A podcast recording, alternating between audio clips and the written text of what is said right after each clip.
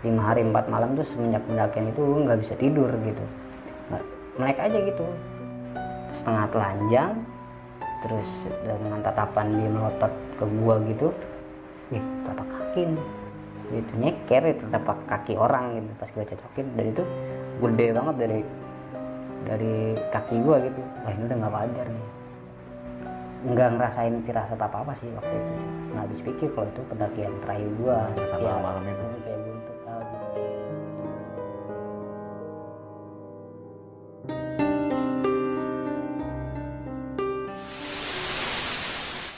Assalamualaikum warahmatullahi wabarakatuh. Balik lagi bersama gue Indra di Besok Pagi Channel. Kali ini masih dengan tema yang sama yaitu nggak jauh-jauh dalam dunia pendakian khususnya mistis. Dan bertepatan pada bulan puasa, kali ini gue ingin mengucapkan selamat menunaikan ibadah puasa. Semoga puasa kalian diterima di sisi Tuhan Yang Maha Esa. Dan segala amal perbuatan kalian saat bulan puasa ini juga diterima di sisi Tuhan Yang Maha Esa.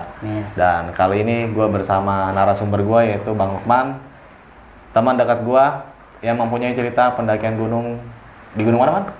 Guntur Guntur. Kalau gue boleh tahu man, kisi-kisinya seperti apa nih? pendakian kali itu gua ngalamin eh, hal-hal gue lah Hmm. kayak ketemu sama kakek-kakek, kuntilanak kayak gitu dan sosok kakek-kakek itu yang nyebabin gua nggak tidur selama lima hari empat malam, Malam. Hmm. Oke. Mungkin kita skip dulu nih man ya. Hmm. Sebelum masuk ke cerita bagi kalian semua, jangan lupa di subscribe besok pagi channel dan jangan lupa juga nyalain loncengnya. Mungkin man kita Iya. tanpa berlama-lama nih man ya. Kita langsung aja masuk ke ceritanya.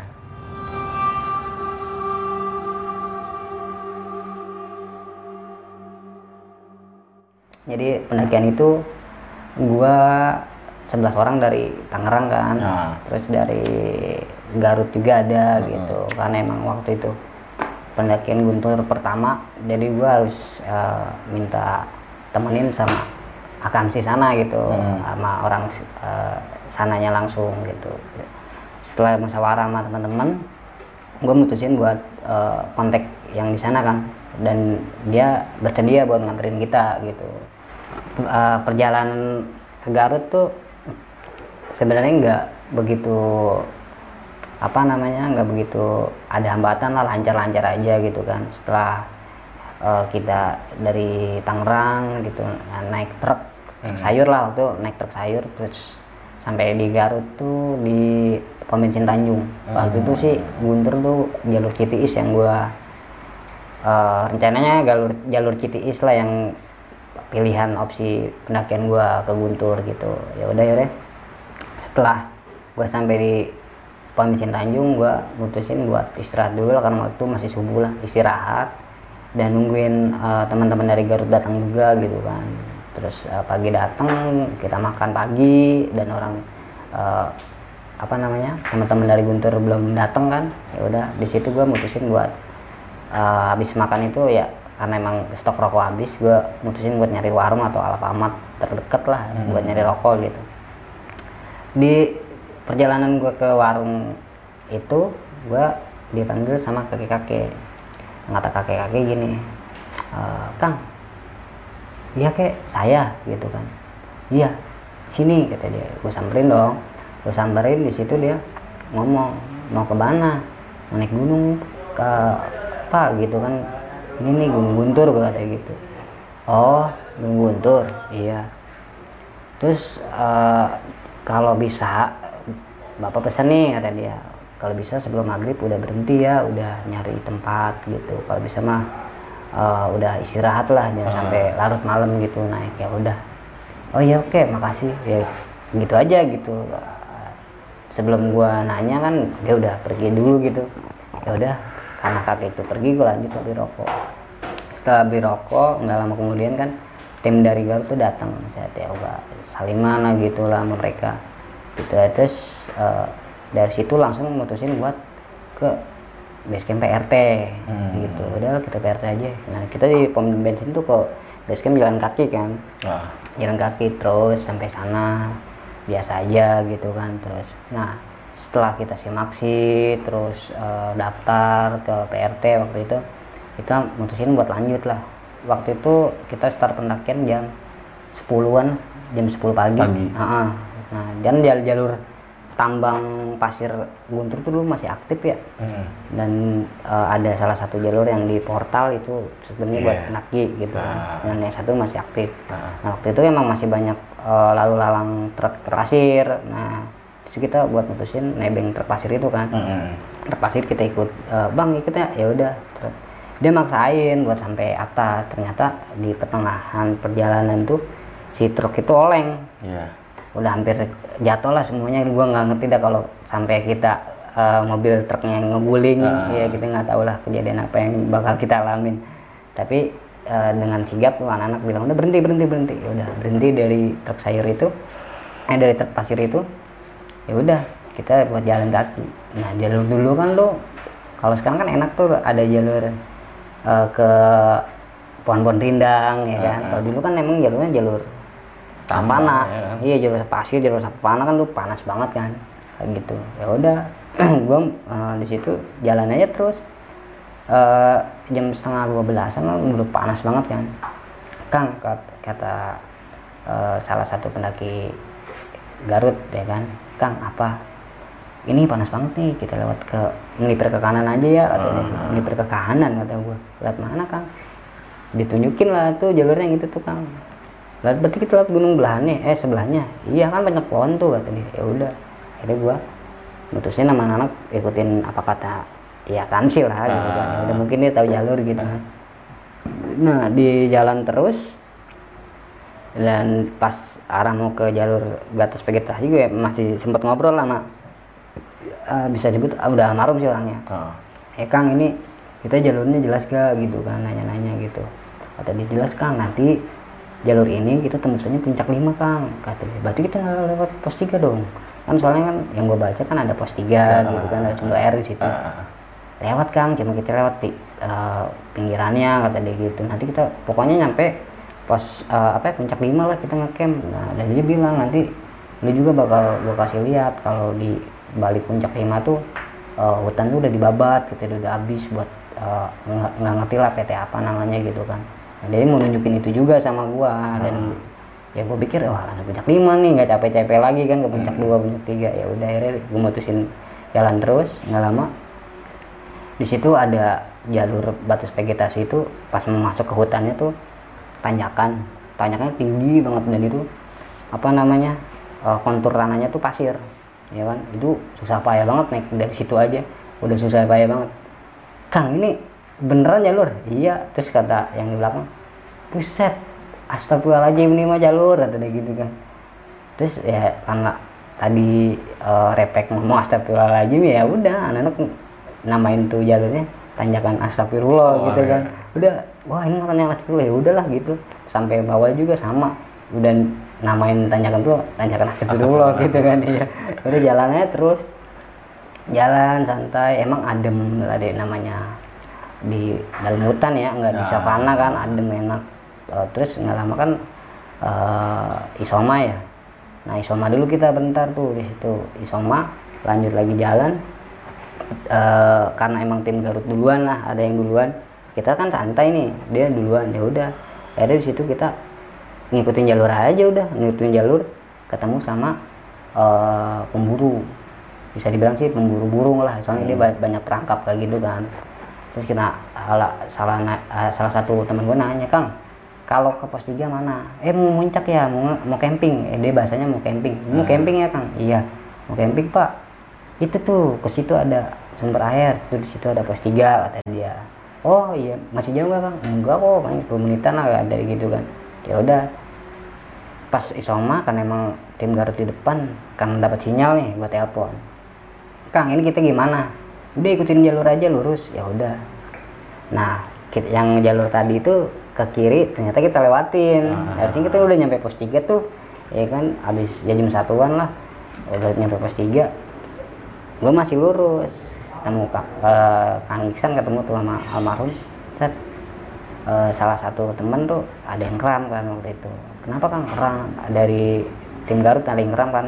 "Ya udah di situ kan kita tanganin tuh. Udah lanjut lagi ini kita ngambil air di bawah ya kata dia. Ternyata ngambil air tuh dari jalur tuh nggak jauh emang ada sumber air ya udah. Ah. ambil air dari situ kita lanjut lagi.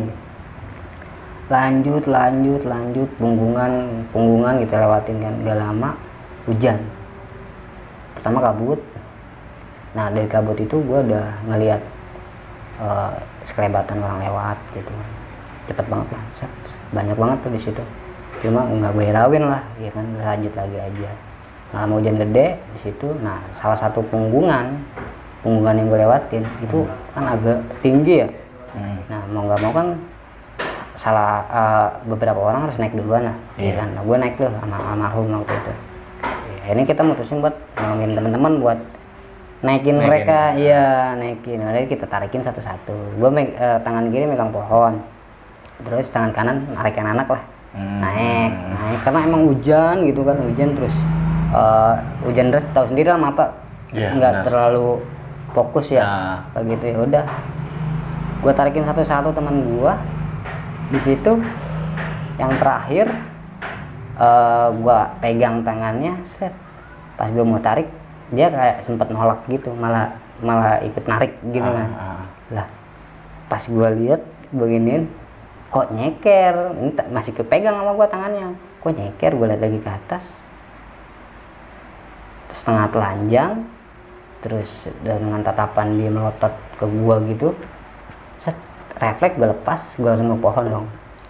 Mau pohon dan gue ngomong eh, eh, sumpah ki nggak mau macam-macam mau cuma mau numpang lewat doang gitu kan. Nanti kalau misalkan ada yang macam-macam saya ada yang tanggung jawab saya bilang gue bilang gitu kan. Ya udah di situ hilang kan.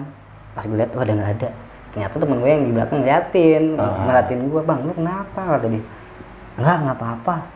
Serius bang? Iya enggak udah lanjut lagi. Ya udah lanjut. Dan di situ gue di belakang kan gue apa namanya anak berhenti gue tungguin kayak gitu. Anak berhenti gue tungguin itu jalur udah makin parah udah lumpur terus eh, pacet tuh udah nyerang badan tuh udah nggak cuma di kaki lah pokoknya sampai ke leher di pipi juga.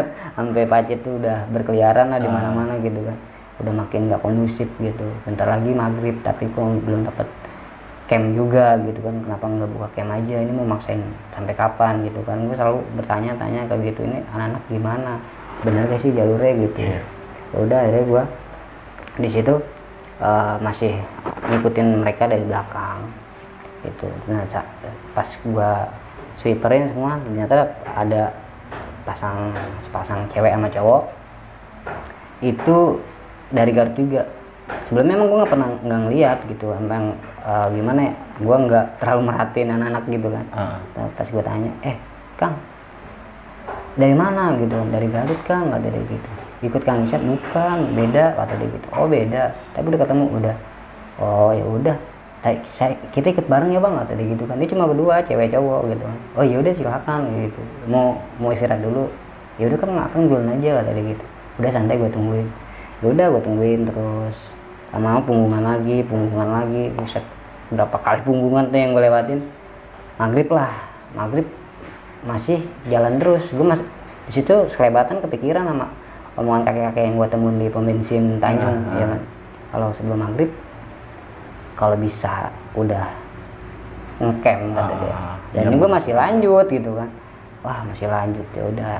Mau nggak mau gue langsung ke depan kan kang ini gimana? Mau ngecamp di mana? Gitu kan. Ntar kang kita belum dapat lahan buat ngecamp. Kan rame nih kata dia nggak mungkin muat kata dia. Hmm. ya udah aja. Bablas terus sampai nemuin eh, agak luas dan ada kayak galian buat ngejebak babi kalau nggak salah tuh. ada perangkap babi di situ galian dan pohon eh, dan apa namanya Pundukan gitu ya. Iya gundukan itu udah kayak kuburan lah, eh, kuburan baru di apa gali, Hmm. ya kayak gitulah buat perangkap babi sih sebenarnya Ah. itu, ya. Ya udah akhirnya kita ngecamp di situ dah dengan kondisi hujan, tapi nggak selebat yang eh, Sebelumnya. sebelumnya ya udah mulai agak reda di situ. Cuma kan memang kondisi tempat camp kita tuh di pohon-pohon rindang kayak gitu kan terus eh, yang jadi perhatian tuh eh, ada dua pohon kembar ya kan cuma dia ada ranting yang menghubungin pohon satu sama pohon dua gitu kan jadi kayak kayak berbentuk hemok Ah, ah, ah. Iya gitu kayak berbentuk hemok. Akhirnya di situ kita buka camp santai. Nah karena hujan kan emang nggak ada yang keluar tuh di situ. ada yang keluar nggak lama kan uh, isya lewat lah. Udah jam 8 tuh udah pada tidur semuanya gitu kan. Nggak lama hujan lagi deras udah hujan deras nih. Gue masih belum bisa belum bisa tidur di situ. Karena emang gue masih mikirin ini jalur benar jalur bukan sih? Hmm. gitu kan. Kok begini amat gitu. Ini gue yakin gak sih sampai puncak gitu. Keraguan tuh makin jadi. Yang bikin gue nggak bisa tidur ya tadi pikiran terus. Nggak lama udah hening udah gua nggak ngerti dah tenda tuh posisinya di mana aja. Yang pasti yang tahu yang gua tahu tuh tenda ada. Di sebelah tenda gua ada sebelah kiri. Terus eh, depannya ada tenda yang buat cewek cowok. Dan eh, yang sebelah kanannya itu tenda yang ukuran 8 lah 8 orang lah. Itu anak-anak lah termasuk ada adik adik gua juga di situ kan. Ya udah di situ. Eh malam pas banget eh, hujan rintik. Itu kan namanya habis hujan terus ya walaupun nggak hujan kita jalur yang ibaratkan banyak apa dedaunan kalau orang jalan tuh kedengeran loh. Iya, ya pasti. kan? Udah udah kedengeran banget pasti. Nah ini ada yang keluar nih ada orang jalan tuh. Set nggak nggak habis pikir gue langsung buka tenda apa sleting tenda gue nongol pala gue mindik mindik nggak ada orang. Ah udahlah biarin aja. Cukup gue aja yang tahu gitu kan dari kejadian, kejadian itu masih belum bisa tidur. Nggak lama ada yang ngencing. Ngencing ngencingin tenda gua. Kan gua Ah. posisi tuh di pinggir tenda nih. Dia kencing. Siapa yang ngencing nih? Tapi sebelumnya nggak ada suara orang jalan gitu Ah. kan. Gua gebrak dong. Woi lu kencing sembarangan aja lu gitu kan. Tapi nggak nyaut diem aja. Lah kok nggak ada orang nih kali apa gimana nih? Apa air dari mana gitu kan? Ya udah di di situ gue coba buat cuek aja cuek terus. Nggak lama gue sedikit tidur lah. Ya ayam lah gitu tidur tidur ayam. Nah cewek eh, ada salah satu cewek teman gue itu perdana. Ya dia tuh tidur sama gue nih di pinggir gue dan itu udah ngeraung dia. Gue pikir ini orang kenapa ya pas gue center? Gue udah pada biru. Hipo. hipo dia. Kena hipo. Di situ gue coba buat santai gitu kan. Gue bangunin cil cil apaan? Nih si ini hipo nih gue kata gitu kan. Dia yang panik kan. Wah hipo mampus dulu nih gue gitu kan. Udah santai santai kompor nyalain. Kompor nyalain dalam tenda dua. Terus ada coklat langsung dilelehin kan. Ya, gue tanganin lah pokoknya tang apa namanya eh, pertolongan pertama gitu. Ya udah akhirnya di situ selamat gitu kan. Alhamdulillah bisa ngomong lagi dan bisa tidur lagi kan. Nah udah, udah selesai semuanya kan semuanya bangun tuh gara kejadian itu udah udah selesai udah bisa pada tidur lagi kan udah hening lagi. Di situ hening lagi gue masih belum bisa tidur.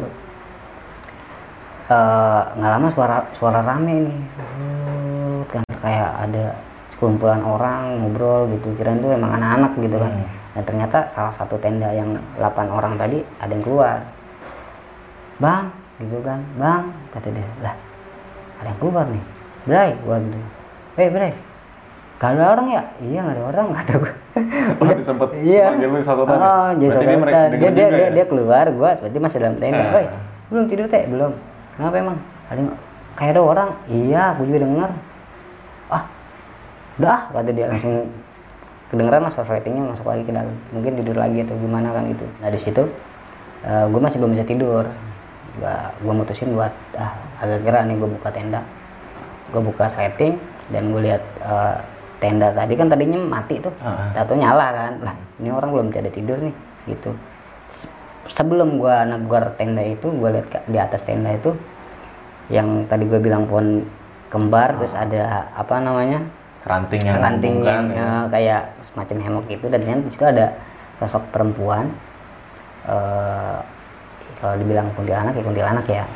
Di situ dia natapin tenda yang tadi nyala tadi. Hmm. yang natapin nih kayak orang sini gimana sih? Dia gue ngeliatin tapi dia nggak ngeliat ke gue dia nggak lama langsung masuk ke tenda itu.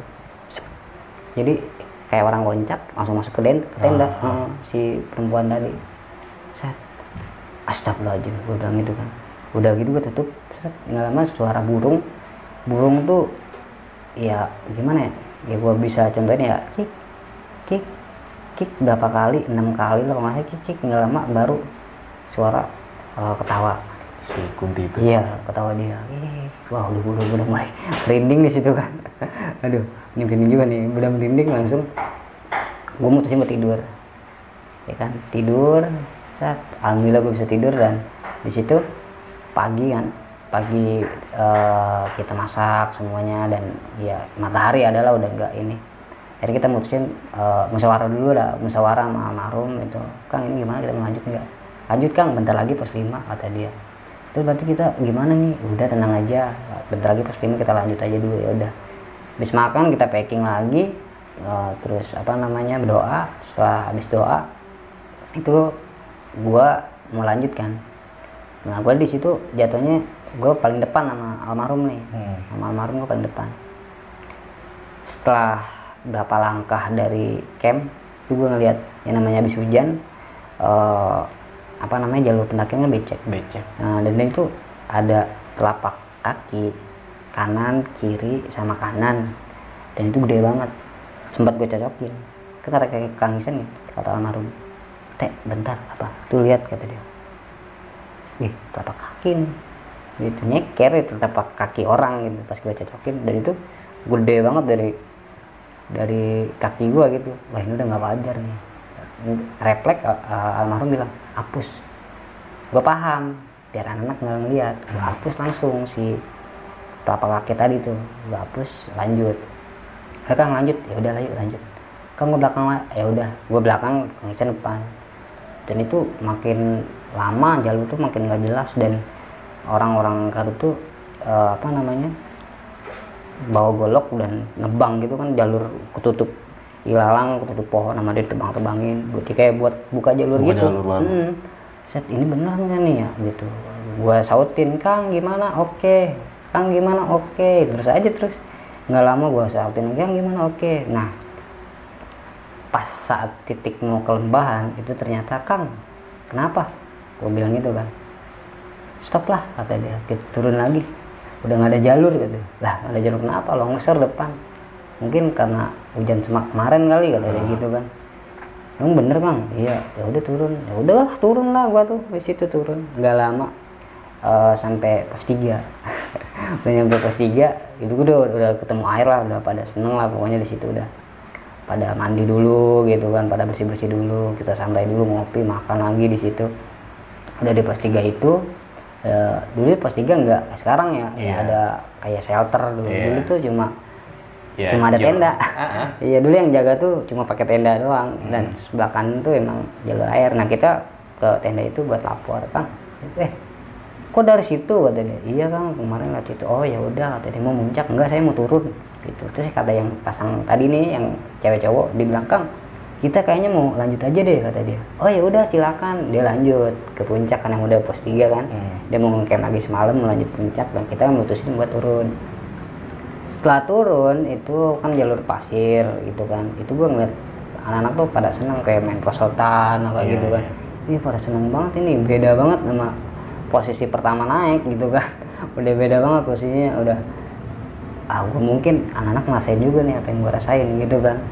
Makanya dia turun ini senang banget gitu Ah. kan ya jadi kondisi dia pas naik itu mencekam setelah dia Turun. bisa turun walaupun belum nyampe rumah itu dia udah ngerasain senang banget di situ kan. Ya udah ya kita turun kita sampai eh base camp PRT lagi terus pulang gitu kan. Sampai dari eh, terminal Guntur semuanya udah udah berat capek lah gitu kan. Kita udah naik bis arah kampung rambutan yang lain udah pada tidur. Gue masih belum bisa tidur tuh di situ. Masih melek. Gue sampai jam 2 sampai kampung rambutan tuh gue masih belum bisa tidur. Sampai pulang lagi ke rumah juga. Kan anak-anak pada ngumpul di rumah kan. Hmm. kayak gitu. Ya anak-anak udah pada tidur lagi. Subuh gitu. Gue masih belum bisa tidur. Seterusnya aja sama lima hari empat malam tuh semenjak pendakian itu gue nggak bisa tidur gitu. Melek aja gitu. Kalau bilang ya orang nggak apa namanya nggak bisa tidur tuh pasti lemes dong. Iya. orang begadang aja Benar, tidur pasti lemes banget. Gue ngerasain lemes banget cuma nggak bisa yang namanya eh, tidur gitu. Cuma yang kebayangan gue tuh kakek tadi yang ngotot ngototin gue itu bayangan gue selalu itu selama lima hari empat malam itu. Dan pada pas banget uh, suatu pagi tuh uh, habis subuh ada yang ketok tetangga gua ngomong kang apaan uh, tadi ada yang datang ke gua kata dia maksudnya? Iya ada yang, ada yang nyamper gua kata dia gitu. Bisa ngobrol gak ya udah di mana? Di rumah gua aja kata dia gitu. Ya udah yuk. Adalah gua ngobrol. Eh gua ke apa namanya ke rumahnya dia dan dia uh, langsung ngomong gini. Tadi ada kakek-kakek. Habis sholat subuh nyamper gua tadi ya maksudnya? Ya ada yang datang kakek-kakek nyamper gua langsung gua nggak basa-basi lagi nggak nanya apa lagi langsung gua tembak aja. Kakek-kakek nyeker cuma pakai kolor doang setengah telanjang bulat kata gitu kan. Itu bukan. Iya lu lihat kata dia. Iya gue lihat kata pas kemarin naik iya. Udah gini aja ntar malam pokoknya lu ke saung. Ya udah di situ uh, semenjak itu uh, singkat cerita lah gue masih belum bisa tidur juga. Lah ini gue malam itu ke saung kan. Saung itu tempat pengajian gue pengajian anak-anak sini lah gitu kan anak-anak rumah. Dia gue malam itu ke pengajian uh, pas pertama datang udah masih di depan udah dilihatin sama guru ngaji sini dipanggil. Udah gue cuma pakai telunjuk. Gue di dari kanan ke kiri terus ke bawah punggungan gue nih punggung badan. Hmm. dan itu panas banget dan nggak langsung nggak sadarin diri gue di situ. Bangun-bangun pas gue sadar tuh dia udah ngeluarin gerakan dan ngomong begini ke teman gue e, bang tolong ngambil botol kata dia gitu kan Set. itu gue setengah sadar sih gue liatin aja dan dia tuh kayak seolah-olah masukin jin ke botol paham kan nggak pernah yeah. Iya. ngeliat kan gitu ah. nah ya itu yang gue alamin itu dia masukin jin ke botol set udah udah dari situ gue sadar gue nanya langsung kang uh, gue sih nanya AA ya A emang kenapa sih A gitu emang kenapa kata dia. Udah pokoknya habis dari sini ah, lo bisa tidur kata dia gitu. Ya gue bingung dong emang ada apa? Tahu gue pendakian gue santai aja kok nggak ada hal aneh gitu kan. Ya ini gue banyak uh, tanya di situ dan dia lu nggak tahu emang lu nggak nggak pernah tahu man kata dia gitu. Lu nggak tahu. Yang tahu tuh mereka. Mereka tuh siapa ya? Teman-teman lu lah kata dia gitu. Lu tanya sama mereka kenapa kata dia gitu. Ya udah di situ uh, gue nanya emang kenapa kang? Eh kenapa? Soalnya kan ini gue baik-baik aja gitu pas pendakian kemarin kata dia gitu. Udah dijelasin kata dia. Sambil sedikit ceramah kan kami guru ngaji. Lu masuk rumah man kata dia gitu. Ya si loka kalau bilang si gambaran lah yeah. gambarannya lu masuk rumah man gitu. Tanpa permisi kata dia gitu. Terus lu berbuat aneh di situ tanpa permisi aja lu udah nggak sopan kata dia gitu kan. Terus lu berbuat aneh kayak minuman atau jina di yeah. rumah itu kira-kira yang punya rumah tuh marah nggak? Kata dia gitu.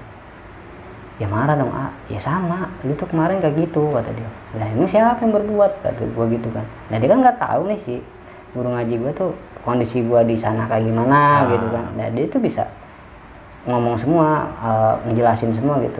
Lu tahu nggak tenda yang di antara dua pohon yang ada buat gelayutan kata dia gitu. Dia bahasnya gelayutan buat gelayutan. Oh iya kang. Iya ah, kenapa itu tenda. Bawahnya kata dia gitu. Dia pada apa pesta.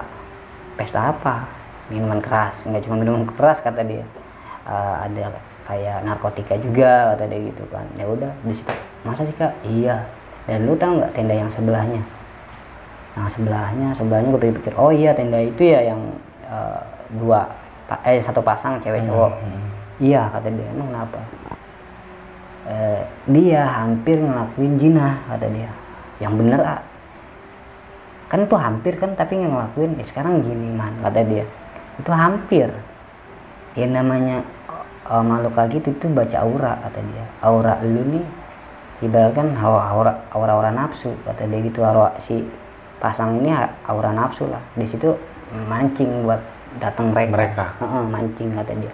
Oh gitu ya iya ya udahlah gue dengan logowo ya gue terus gue minta maaf juga ke dia kan. Ya udah kak. Ah gue minta maaf lah kalau masalah anak-anak kayak gitu gini gini gini kata dia gitu kan. Ya udah kata dia pokoknya itu pelajaran aja buat lo kalau bisa nanti pendakian selanjutnya nggak ada lagi yang namanya kayak gitulah gitu kan. Yang bawa-bawa begituan apalagi sampai berbuat begitu kata dia gitu kan. Ya iya ya ntar di lebih selektif lagi kata gitu kan ya udah dari situ gue bilang e, gue punya pikiran nih. Ah yang gua yang ngikutin gua sih kakek kakek tadi anterin lagi aja dah ke sana gitu kan. Ah. gua punya pikiran ke situ. Itu cuma di pikiran gua dan ternyata guru ngaji gua ngomong gini jangan kata dia. Maksudnya ah, ya lu mau nganterin kan? Gak usah no, udah udah aman no kata dia udah masukin botol kata dia gitu. Gua nggak ngeliat sih tadi kata dia gitu ya gua ngeliat cuman ya namanya gua baru sadar kan. Mm-mm. gue ngeliat iya tadi ngeliat sih kata gue gitu oh udah udah udah ngeliat udah ya udah no botolnya ada no kata dia. Ini biarin aja di situ nggak usah di ke mana-manain nggak dari gitu. Gue aneh kan dia bisa baca Pikiran gue ya? dia kok gue pengen ke sono dia bisa baca gitu. Ya udah seolah-olah dia tuh ngerasain apa yang gue rasain gitu. Dia ngomong ngomong lagi udah man gini aja. Eh, nanti kan di gudang ada tuh. Dia sempat nyebutin gudang tempat peralatan. Lu naruh. iya gudang ada tuh. Mau dinetralin lagi. Nggak usah lah biarin kata gua tapi lama-lama jadi penyakit loh kata dia. Maksudnya penyakit. Ya orang ya kayak gitu nanti maksudnya ke medis kata dia. Kan makanya harus dinetralisir nih biar kita hidupnya enak nyaman. Nah kayak gitu kan penyakit. Kan orang-orang yang eh, yang guru gua jelasin ya orang-orang yang sakit ginjal atau apa itu kan pengaruh dari mereka juga kayak gitu. Yang gua yang yang gua Dia tangkap ya. Ah, yang dia tangkap gitu. Ntar maksudnya ke medis loh man kata dia. Emang iya pak? Iya ya udah. Ya biarin lah kata gua. Kalau kata bokap juga nggak apa-apa. Gua ya udah kalau kata bokap nggak apa-apa gitu. Ya udah di situ. Udah sekarang pulang lah udah. Enak lah. Udah bisa tidur. Insya Allah bisa kata dia. Kok dia tahu gua nggak tidur gitu? Ah. ya udahlah gua nggak banyak nanya lagi. Udah ah makasih ah kata gua. Udah dari situ gua alhamdulillah bisa tidur ya kayak kehidupan normal lagi kayak gitu ya segitu aja sebenarnya pendakian pas eh, waktu itu ke Guntur gitu Oke. Oke, mungkin itu eh, cerita pengalaman lu ya man ya saat pendakian di Gunung Guntur. Ini cerita lu yang lu angkat ini gokil banget sih menurut gua. Lu sempat nggak tidur selama lima hari empat malam. iya Ini kita ulas flashback kembali nih ya. ah, Nah, di sini kan lo eh, ibaratnya melenceng jauh dari jalur pendakian. iya jalur kayak buka jalur gitu dah Buka jalur gitu ya. Hmm. Sebelum lu naik lu juga sempet ditemuin arah sama satu sosok kakek-kakek. Hmm, Di situ lu sempat sadar gak sih ini orang bener atau enggak sih? gitu. Pas di term di apa, pom bensin itu. Kayak gue sih biasa aja orang kan ya bentuknya manusia ya kan gitu Hmm. kan ya gue biasa aja gue nggak punya pikiran kayak gitu dan gue ya kan yang gue tanamin kan ya udah gue tuh cuma mau naik gitu kan nggak nggak punya pikiran anak-anak tuh bawa-bawa gituan kayak Ah, gitu oh, lu Ya sempatnya berpikir iya positif terus Positif lah terus ya. gue kayak gitu ya udah positif aja gitu karena kejadian saat lu naik ini pas lu dari base camp tuh lu naik truk udah hampir oleng C- oleng ya gue kan? masih belum sadar sih sebenarnya di situ Ah.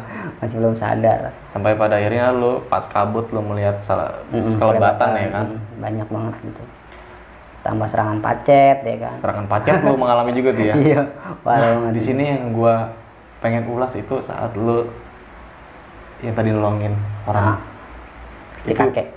Kakek-kakek bentuknya nyata banget man. nyata banget. Kayak ya kayak manusia biasa cuma saat lu tatap dia melotot gitu? Notot nototin gua. Kayak lo marah banget sama gua gitu kan ya gua ya di situ gua minta maaf langsung gua cuma numpang lewat gitu kan. Ya refleks aja sih sebenarnya omongan gua sama eh, apa namanya gaya postur eh, gaya tubuh gua tuh postur tubuh gua udah udah refleks aja sama omongan tuh semua udah refleks nggak nggak emang diniatin ngomong begitu. Kan gua juga bilang eh gue cuma mau lewat gitu kan. Nggak mau macem-macem. Ya gue di situ ngerasa tanggung jawab lah sama teman-teman gue gitu kan. Ya gue makanya langsung refleks ke situ gue minta eh, kalau misalkan kalau misalkan nih anak-anak ada yang macem-macem gue yang tanggung jawab gitu gue berucap janji lah Sama jadi si kakek iya itu ya? gitu nah sampai pada akhirnya lo telat nih Mm-mm. ngecamp sampai ketemu malam kan sebelumnya Iya. lo dititipin ke sana makanya itu kalau Ah. bisa maghrib itu jangan diterusin ya iya jangan terusin tapi gue nyatanya lanjut lanjut nah di sini lo di tempat camp ini kejadian-kejadian yang gaib itu masih menimpa diri lo nih bahkan sampai teman lo juga.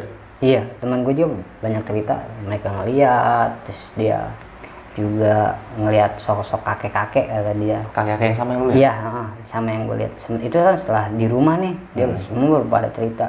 Ada kakek-kakek kata dia itu ngiterin tenda lu aja bang kata dia gitu. Lu emang sempat ngintip? Iya gue sempat ngintip bang kata dia. Itu kakek ngiterin aja terus.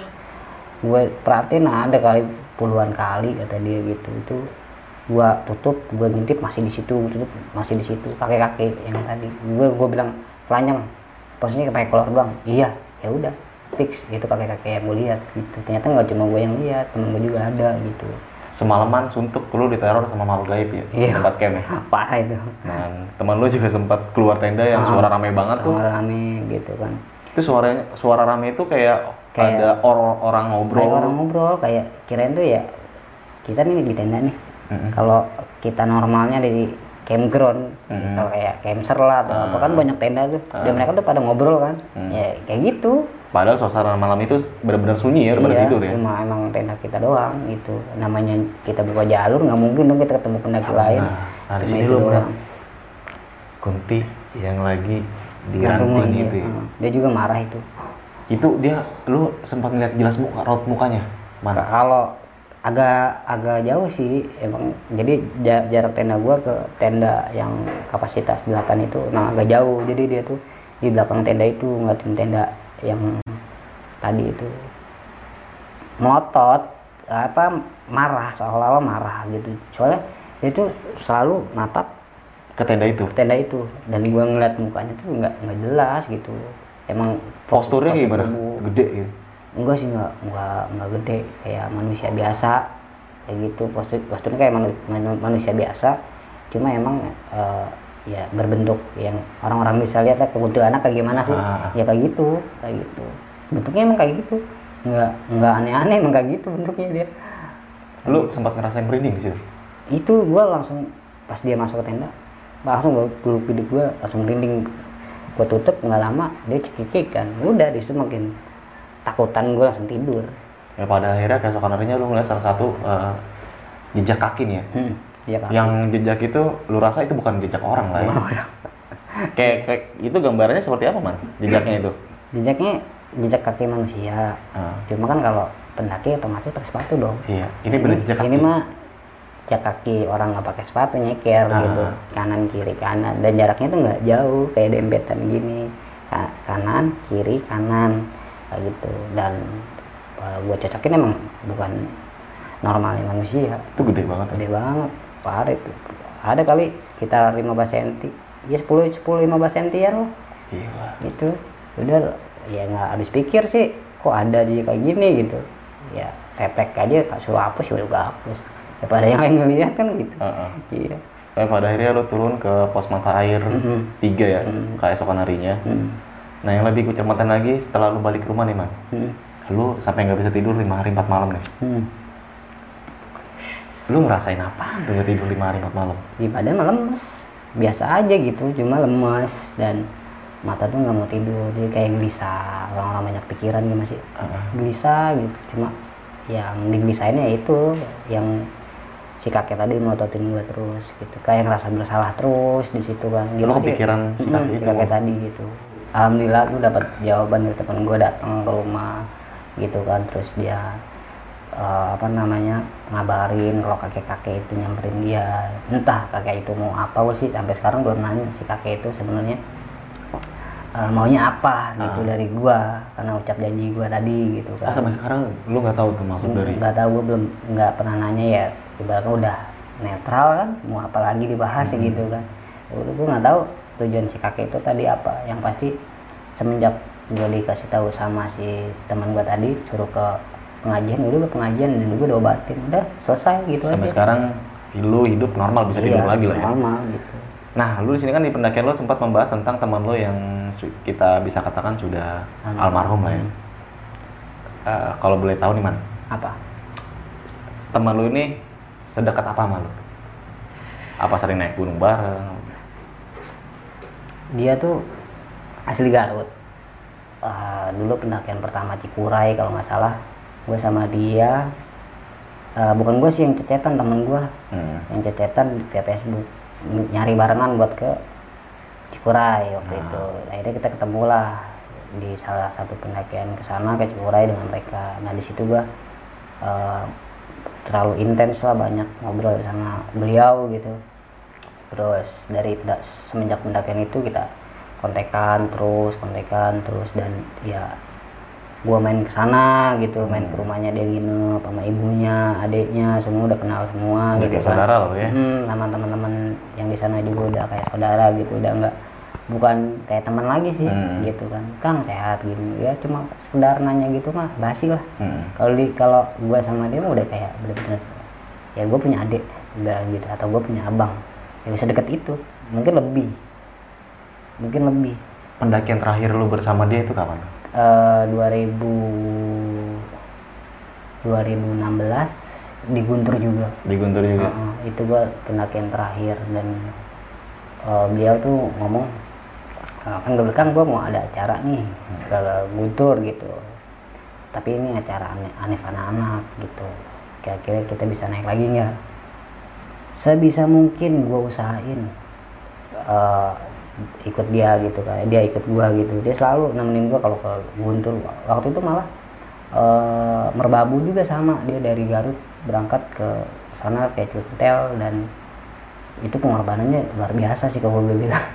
Nyewa mobil lah apa dari stasiun ini terus eh, cuma nungguin kita doang masakin kita doang. Ya Hmm. bener-bener dia ngormatin gue ya gue lebih ngormatin ya. Gue bilang dia bisa kayak sosok abang lah buat gue gitu bu- buat teman-teman juga gitu kan. Terus eh, nggak cuma gue doang yang deket di sini banyak kayak emang lebih welcome. Cuma eh, almarhum terus ada eh, apa namanya eh, Kang Dedi Kang Agus dulu. Eh, sependagian bareng itu emang udah kayak saudara. Gue nikah pun sama dia datang ke sini. Si almarhum juga iya datang? ke sini beberapa hari di sini gitu kan. Sampai ngedoain gini-gini gitu. Pas pendakian terakhir itu emang gue nggak nggak habis pikir kalau itu pendakian terakhir gue bersama almarhum itu? via Guntur eh, Guntur via CTIS waktu itu. Emang gimana ya? Nggak ngerasain firasat apa apa sih waktu itu cuma emang ngerasa berkesan aja. Hmm. gitu kok gue cinta banget sama gunung ini gitu kan. Sampai sekarang nih, gue gue ngerasa tuh Guntur tuh gimana ya eh, gunung yang paling gue sayang lah Mm-mm. iya kalau bisa balik lagi pengen baliknya ya gue mau gunung gunung ya Guntur lagi aja gue nggak mau lagi gunung-gunung yang lain gitu ya pertama kenangan gue sama almarhum kan kebanyakan di situ Di Guntur. di Guntur terus juga percintaan juga di Guntur, Guntur juga, juga. gitu kan ya udahlah pokoknya banyak suka duka tuh di Guntur gitu Oke. Nah mungkin nih ya mana kita uh, si almarhum ini teman Hmm. lo kita doain semoga amal ibadahnya diterima di sisi Amin. Tuhan yang Maha Esa dan ditempatkan di surga. Nah, amin Nah, Man, uh, sebelum kita mengakhiri cerita nih, Man, lu Hmm. punya pesan-pesan gak nih buat teman-teman semua nih?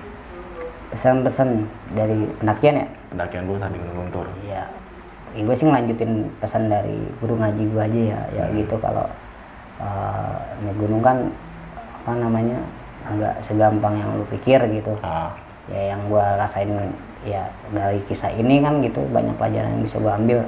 Kayak contoh nggak nggak habis-habis gue bilangin eh, attitude sih nomor satu. Attitude, sopan santun, Ah, di mana pun kita berada ya, Ah, Man, ya. Mau di gunung kayak mau di bawah kalau uh, kita belajar attitude insya Allah sih semua juga humble welcome welcome lah buat kita Hmm. gitu jangankan manusia kalau alam lain juga pasti ngerasain kalau Ya, kita ah, ah. attitude-nya baik kayak Hmm. gitu kan terusnya sih dari itu aja terus uh, apa ya gunung Indonesia kan udah enak nih jalurnya udah jelas gitu kan Hmm. jangan sesekali lah pengen buka jalur lewat sini kayaknya enak nih gitu lebih adem yang gua rasain kayak gitu kan lebih ad- adem nih ternyata ya kayak gini hasilnya Ah, gitu kan ikutilah aturan yang Ah, ada lah ya. aturan yang ada Misalkan aja. emang lu harus membuka jalur, lu harus mempunyai ilmu dan skill. Hmm, kecuali emang tersesat Nah, lu punya lagi ya. ilmu lah jimut lah atau apalah yang penting minimal lu punya kompas atau ya Dan balik lagi ya, Ah, ilmu-ilmu dasar tuh harus punya ilmu dasar kita harus punya. Dan naik gunung itu nggak cuma sekedar naik aja. iya betul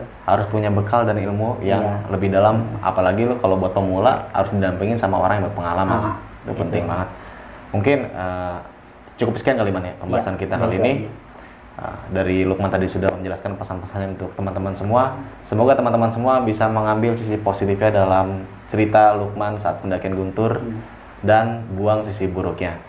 Nah, sebelum kita mengakhiri cerita eh, jangan lupa kalau cerita yang diangkat Lukman kali ini pernah diceritakan di salah satu channel. Channel lu juga mana ya? Iya channel anak Eh, channel apa teman kisah pendaki. Kisah pendaki lagi-lagi gue jelaskan tentang channel Lukman itu kisah pendaki. Nanti lu bisa tengok eh, di pengalaman Lukman saat pendakian di Gunung Guntur di salah satu channel kisah pendaki. Di situ udah lu ulas juga man ya? Ah, udah. di sini gua hanya melengkapi lagi tentang ceritanya Lukman. Hmm.